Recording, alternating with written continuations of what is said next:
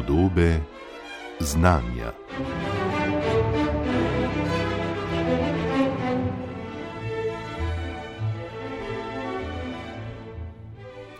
V nanosvetu je marsikaj povsem drugače. Ko imamo opraviti z delci nano velikosti, imajo lahko snovi zelo drugačne lasnosti kot običajno. A prav na nanoskali se seveda odvijajo tudi številni procesi, ki potekajo v našem telesu. Nič presenetljivega tako ni, da je razvoj znanosti, ki je omogočil, da spremljamo, preučujemo, oblikujemo in spreminjamo stvari v tako drobnih dimenzijah, odprl številne nove možnosti tudi pri zdravljenju najrazličnejših bolezni.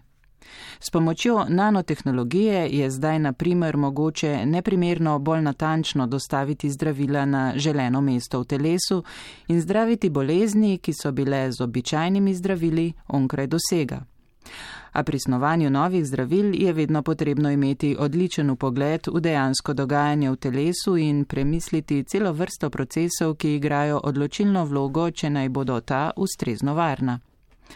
Za svoj prispevek trajnostnemu razvoju farmacevtske nanotehnologije je Cojzovo nagrado za življensko delo prejela dr. Juliana Kristel, redna profesorica na Ljubljanski fakulteti za farmacijo, tudi današnja gostja odaje podobe znanja. Profesorica dr. Juliana Kristel, lepo pozdravljeni in seveda čestitke za nagrado. Prav prisrčen pozdrav poslušalkam in poslušalcem še z moje strani. Zakaj je v nanosvetu vse tako drugače?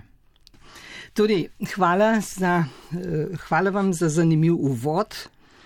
Eh, res je v nanosvetu marsikaj zelo drugače, kot bi si človek intuitivno pričakoval ali zamislil. Nano ni le v farmaciji, ampak se dotika vseh področji življenja in sveta.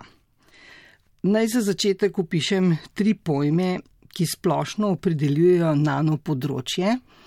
To so nanoznanost, nanotehnologija in nanodelci. Torej, nanoznanost je interdisciplinarna veda, ki združuje fiziko, kemijo, biologijo in druge znanstvene discipline, da lahko teoretično proučuje zgradbo in dinamiko snovi na nivoju molekul in atomov, ki so v nanometrskih velikostih. To je seveda ta nanometrska velikost za predstavo. En nanometer je milijardinka metra ali še za bolj plastično predstavo glukoza, naprimer, ki jo veste, da jo imamo vsi v krvi, ne meri en nanometer. Torej, molekula glukoze je nanometer. Proti telo je približno 10 nanometrov, virusi, s katerimi smo zdaj vsi obdani, pa krok 100 nanometrov. Torej, nanoznanost je teoretična osnova nanotehnologije. Nanotehnologija vdejanja nastanek, vrednotenje in uporabo funkcionalnih materijalov, naprav in sistemov z novimi funkcijami in lastnostmi, ki temelijo bodi si na velikosti do 100 nanometrov ali na specifičnih lastnostih. Seveda, sam napredek nanotehnologije je najbolj viden v zadnjih 20 letih, Čeprav je prve izvirne ideje dal že leta 1959 Richard Feynman, torej velik fizik, tudi Nobelov nagrajenc, pa tudi izjemen vizionar. Sveda v pred njegovem predavanju ob podelitvi Nobelove nagrade z naslovom Na dnu je veliko prostora, je predstavil idejo, ki predstavlja osnovo za upeljavo pojma nanotehnologija v znanstvene vode. In seveda o tem so kasneje pisali tudi drugi eh, pomembni možje, ne, in seveda zadeva se je dejansko od leta 1960 razvijala. Tako da danes nanotehnologija velja za eno najbolj obetavnih in ključnih področji tehnološkega razvoja 21. stoletja. Eh, številni nanomaterjali pa svojimi posebnimi lastnostmi že dobro uh, utirajo pot na različna področja, od elektrotehnike, optike do prehrambene, kozmetične industrije, pa tudi v medicino, farmacijo in drugam.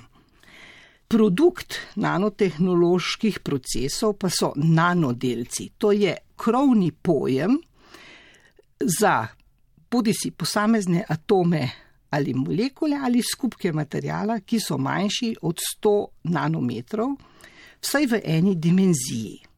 Zato sodijo v pisano druščino nanodelcev tudi zelo tanke plasti, pa tudi majhni, drobni kristalčki, v literaturi jih najdemo v, v angliškem izrazom nanocrystals, ali pa tudi vlakna, ki so tako tanka, ki so v teh dimenzijah. Tako da danes ne, so znano tehnologijo na različnih področjih izdelali eh, recimo majhne pomnilniki za hitre računalnike, zelo trdne prevleke, tanke, bodi si na steklih, bodi si na drugih trdnih telesih, potem zelo učinkovite katalizatorje, opne, zdravila in izboljšali ločljivost in natančnost instrumentov za opazovanje in merjenje nanodelcev. Namreč kot cel čas povdarjam, ne, to majhnost je seveda vsem je nekako poznano, ne, da v pogled v vesolje nam omogočajo različni, uh, različni daljnogledi na nek način. Pogled na manjše strukture, torej na drugi, na drugi skali, kjer so nanostrukture, pa seveda z mikroskopi, z ustrezno povečavo in ločljivostjo. Torej, mi teh nanostruktur in nanodelcev ne moremo videti s svetlobnim mikroskopom, lahko pa jih z elektronskimi mikroskopi, ki so se seveda tudi začeli razvijati že pred letom 1930 in potem postopoma je ta razvoj napredoval, tako da danes smo pa res lahko zadovoljni, razen cene, da je ta dolgotrajen razvoj privedel do mikroskopov z različnimi pristopi, bodi si da je to s transmisijo ali z vrstičnim ali tipalnim načinom detekcije. In seveda, kar je še bolj pomembno za nas, ki delamo s celicami oziroma z živim materialom, da lahko izvajamo same meritve pri normalnih pogojih, torej ni potrebno vzpostavljati vakuma, pri normalni temperaturi in celo v mediju in vidimo te strukture. Tako da torej, te trije pojmi so generalno za vse discipline, recimo, ki se razvija na tem področju. Nanoznanost, nanotehnologija in seveda nanodelci v kakršne koli namen in uporabo.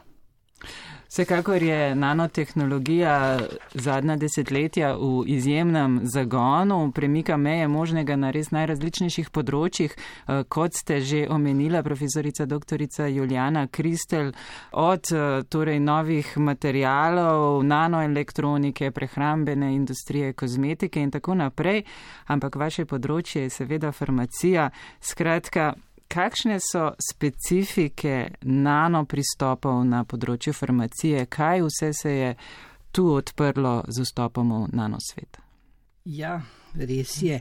Torej, če iz prejšnjega širokega področja pridemo na farmacevtsko nanotehnologijo, ne, ki pokriva izdelavo zdravil in vključuje torej, različne nanodelce in različne nanotehnološke procese in rezultira v učinkovitem, kakovostnem in varnem zdravilu. Pri tem veljajo vsa pravila, kot, kot so razvita na področju nanotehnologije, in vključujejo tudi vso specifiko, ki se nanaša na razvoj zdravil. Dejstvo je, da vsako zdravilo sestavlja zdravilna učinkovina in pomožna snov. Torej, sama glavnina ne, dolgoletnega in mojega obsežnega raziskovanja je predvsem usmerjena v visokotehnološko zahtevne nanodostavne sisteme učinkovin, ki so lahko seveda različne. Torej, te učinkovine so lahko v obliki majhnih molekul, kot primer recimo paracetamol, ki ga skoraj vsak že uporabil, kadar je imel vročino, ali pa bioloških učinkovin, ki pa so seveda s to skupino sodijo proti telesa, encimi, hormoni, rastni faktori, geni in tako naprej. In se, seveda vsaka od teh učinkovin, majhnih ali velikih, ne, in seveda še drugače med seboj, kot se razlikujejo, ima svoje zahteve, da v polni meri izrazi ta učinek. Zato je nujna zelo skrbna izbira med različnimi nanodelci oziroma različnimi nosilnimi sistemi, kamor seveda sodijo liposomi, polimerni lipidni nanodelci eh, ter nanovlakna. Vsi ti nosilni sistemi pa se razlikujejo po sestavi, strukturi in lastnostih. Tako da tukaj le imamo mi po eni strani veliko možnosti za izbiro in kombinacijo, po drugi strani pa seveda vsaka zdravilna učinkovina zahteva specifičen nosilni sistem, če hočemo, da naprimer pride na določeno mesto, da se ustrezno hitro raztopi, da se ustrezno eh, hitro sprosti in tako naprej. Razen tega, torej razen teh materijalov, struktur, pa seveda za izdelavo in raziskovanje nanodelcev potrebujemo specifično drago opremo in sicer prav zato, ker so ti delci tako majhni, da konvencionalna tehnološka oprema ni ustrezna. Tako smo na tem širokem področju vsekakor vse skozi sodelovali z inštituti doma, predvsem inštitutom Jože Štefan, kemijskim inštitutom, inštitutom za biologijo celice na medicinski fakulteti Univerze v Ljubljani eh, in tudi z določenimi partnerskimi univerzami v tujini. Tako da, gledajte, to področje je pestro, pa tudi zanimivo, razburljivo, občasno, ampak zanimivo res za delati in za raziskovati. Skratka, gre za res interdisciplinarno področje, kar je povsem jasno, glede na to, ja. koliko eh, vidikov je potrebno upoštevati. Pa če se morda eh, zdaj posvetiva samemu temu, um, kaj se pravzaprav dogaja v telesu. Ne? Ljudje si marsikaj predstavljamo pod eh, nanodelec, ko torej jih uporabljate na različne načine, da torej denimo dostavijo zdravila v na želeno mesto v telesu, kaj se pravzaprav dogaja, ko pride nek določen nanodelec eh, v stik s celico. Omenili ste tudi, eh, profesorica Juliana Kristel, da pač je za vsako učinkovino potrebno pripraviti prav specifično, torej to dostavno košarico, nanotehnološko. Pa me zanima, kaj vse vpliva na to, kako izberete pravo pravo tehnologijo. Ja, uh, eh, gledajte, seveda ta ideja je, je tudi že zelo stara, a ne. Uh, kako bi lahko bolj specifično dostavili učinkovino na tist, samo na tisto mesto, kjer je dejansko prisotna bolezen, kjer je prisotno bolezensko stanje. To je res dolgo, dolgo ideja že iz, iz prejšnjega torej stoletja. Eh, okrog leta 1970-80 so nekako realno začeli o tem razmišljati in načrtovati te ideje. Vendar, recimo, možnosti, možnosti je seveda več, kot sem rekla, so različni nosilni sistemi, odvisno od vse skupaj pa dejansko pogojuje zdravilna učinkovina. Kakšne ima lastnosti in kaj moramo doseč pri tej učinkovini, da lahko izrazi svoj terapevtski učinek. Nekatere izmed teh naštetih učinkovin ne, so zelo težko topne. Torej, takšne se po telesu ne morejo porazdeliti, dokler se ne raztopijo. In v tehnološkem smislu lahko izboljšamo topnost težko topnih učinkovin. Nekatere posebno biološke učinkovine ne, so zelo nestabilne, občutljive na prisotnost encimov, pH-ja in drugih, drugih okoljskih dejavnikov. Težko torej, pridejo mimo želodca? Torej. Absolutno. oziroma te posebno biološke so že se tako inaktivirajo. Ne?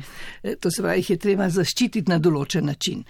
E, torej, jih je treba zaščititi, mi je pove, treba povečati stabilnost in tako naprej. Tako da izbiramo med temi posameznimi nosilnimi sistemi, glede na učinkovino, da dosežemo torej, najboljše, a ne z vidika učinkovine same, da se ohrani njen učinek, in seveda po drugi strani z vidika, eh, kaj bi rekel, dostavljanja na mesto bolezni.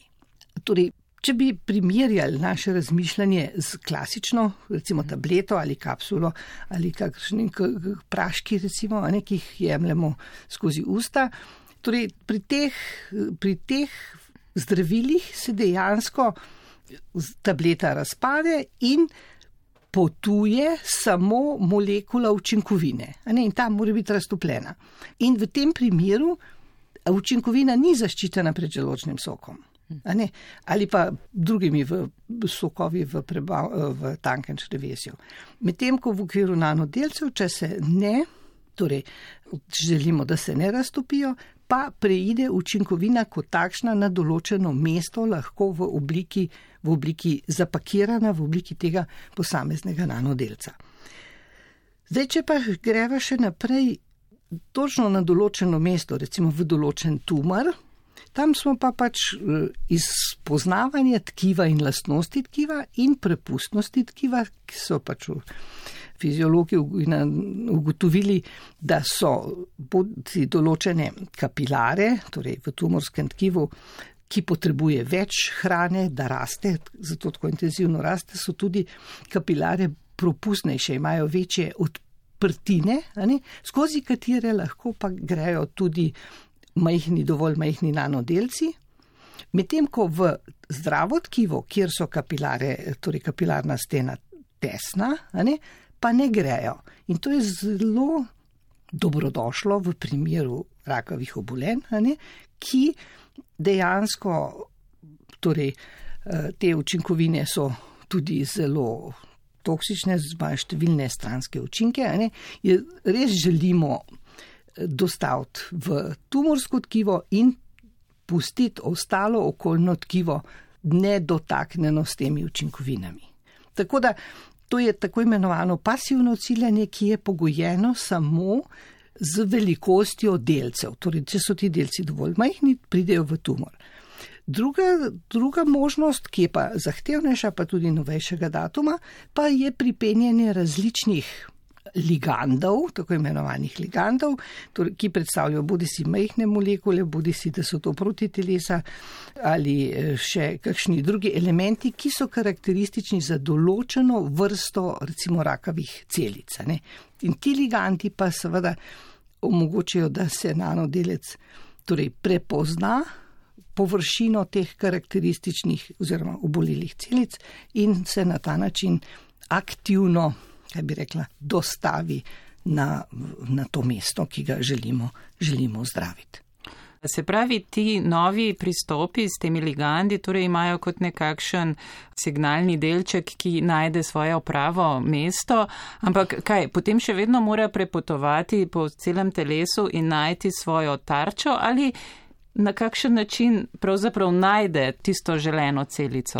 Torej, lahko prepotuje, po, ker gledajte, tumor je lahko kjerkoli v telesu, a ne zdaj, kadar je na površini ali pa blizu površine, je ta dostopnost lažja tudi na druge načine, tudi stimulacija z različnim, bodi si z ultrazvokom, z ter, segrevanjem ali celo elektroporacijo, kadar je pri površini, blizu površine telesa, drugače pa je seveda potrebno, da telo pre, da prepotuje, ampak na ta način prepozna celice, kjer se mora, kjer se mora, recimo, ali pa kjer želimo, da se, da se ustavi in sproži ta svoj efekt. Omenili ste, da so lahko torej ti uh, nanodostavni sistemi iz različnih eh, snovi. Kaj se primarno uporablja in sploh z ozirom na to, da nas seveda vedno zanima tudi to, kako se potem nanodelci izločijo iz telesa. Tu gre večinoma seveda za naravne snovi, snovi naravnega izvora, ki uh, verjetno razpadajo po nekem načinu, Principu. principu tako ali drugače. Obstajajo tudi kakšne bolj uh, drugačne, umetno pripravljene snovi in zakaj bi bile te koristnejše? Ja, gledajte, mi vedno izbiramo, kadar se le da, ne da snovi, ki so biokompatibilne, to se pravi, ne povzročajo nobenega, torej neprijetnega, neželenega učinka in da so materijali biološko razgradljivi, torej takšni, ki se po najvaj, največji možni meri razgradijo v telesu na manjše enote, če so to polimerni materijali in seveda, da so materijali tudi če se le da, seveda ne vedno se ne pride upoštev, da so dobro topni. Torej, če so materijali dobro topni, potem se v telesu raztopijo, a ne učinkovina se sprosti gretja, kamor želimo in se tudi izloči po normalni fiziološki poti. Tako da tukaj le, tukaj le ni ovir.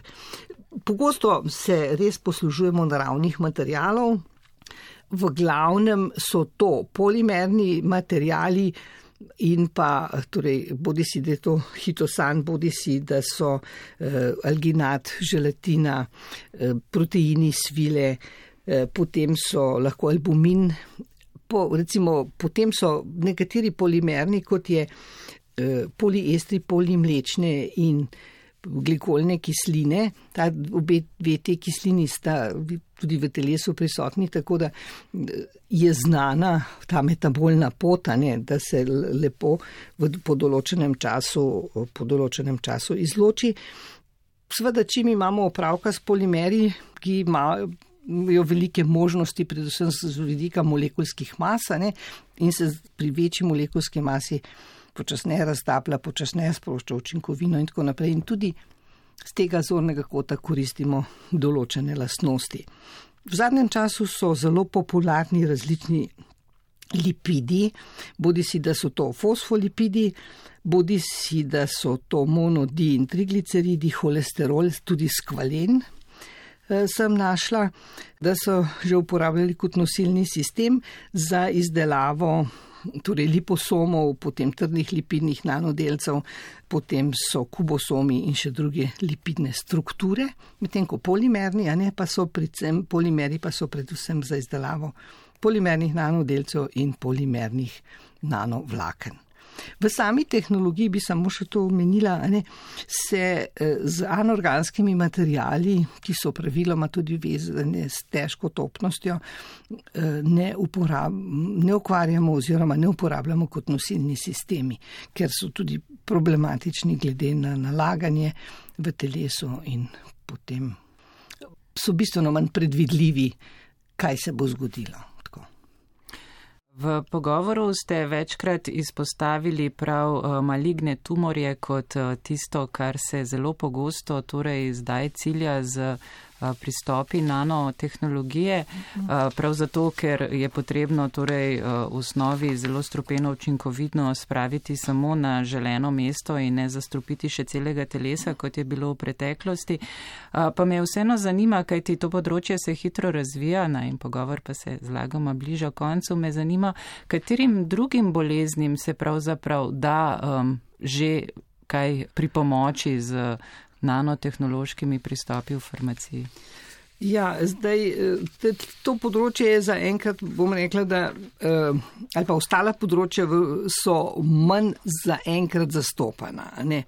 Eh, so sicer znane tudi torej, infekci, različne infekcijske bolezni, na teh tudi zelo veliko raziskovalno delajo, potem tudi pri zdravljenju določenih genskih napak, ne, ampak zaenkrat je na trgu, tudi predvsem na, kar kar je na trgu dostopno, ne, bolnikov so predvsem torej, nanodostavni sistemi oziroma zdravila za zdravljanje rakovih obolenj, ki vključujejo tudi te nanodostavne principe.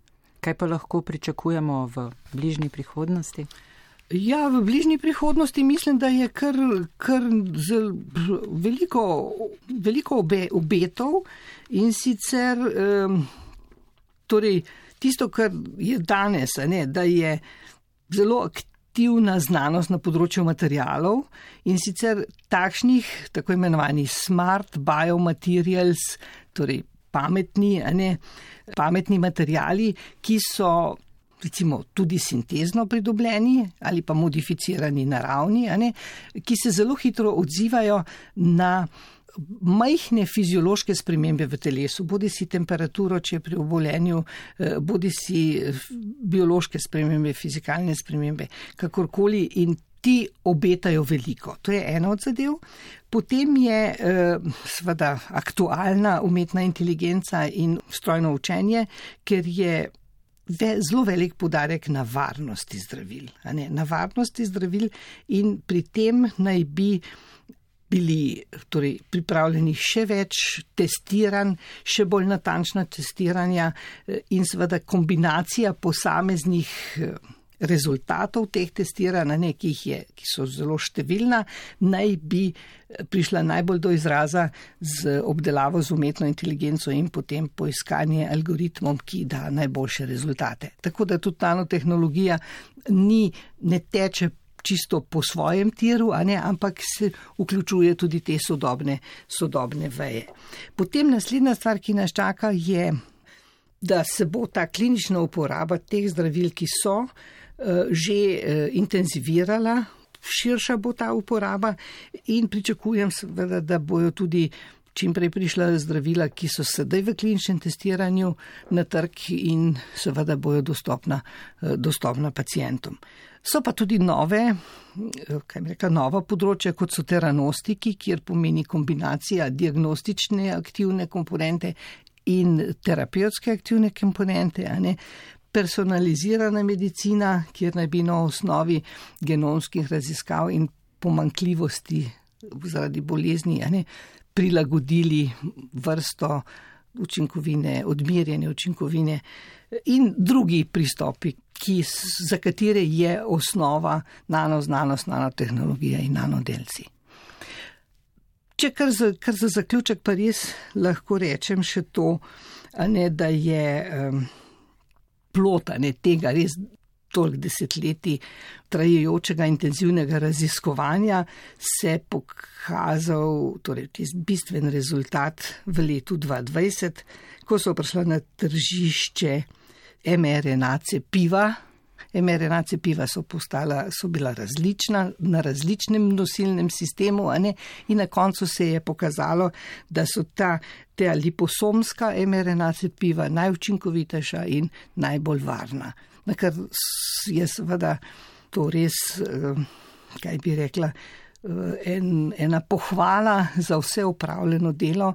Poleg tega pa razen cepivanja so tudi eh, veliko zmogljive zaščitne maske, danes že na trgu, bistveno boljše, kot so, kot so bile, ki na, ravno na principu tega interakcij, recimo virusov z nanodelci, ki so na teh mrežicah v maskah bistveno, bistveno bolj učinkovite, kot so bile.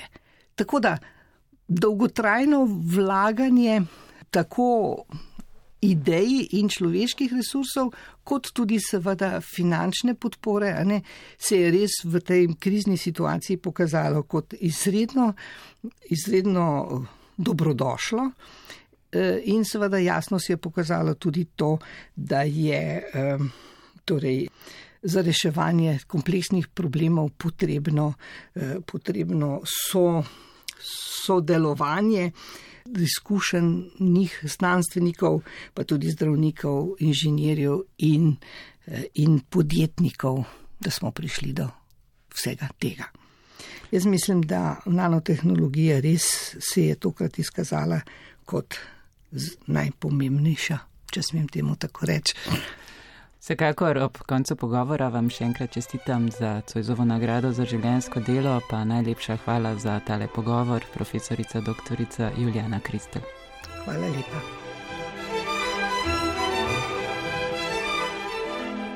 Podobe znanja.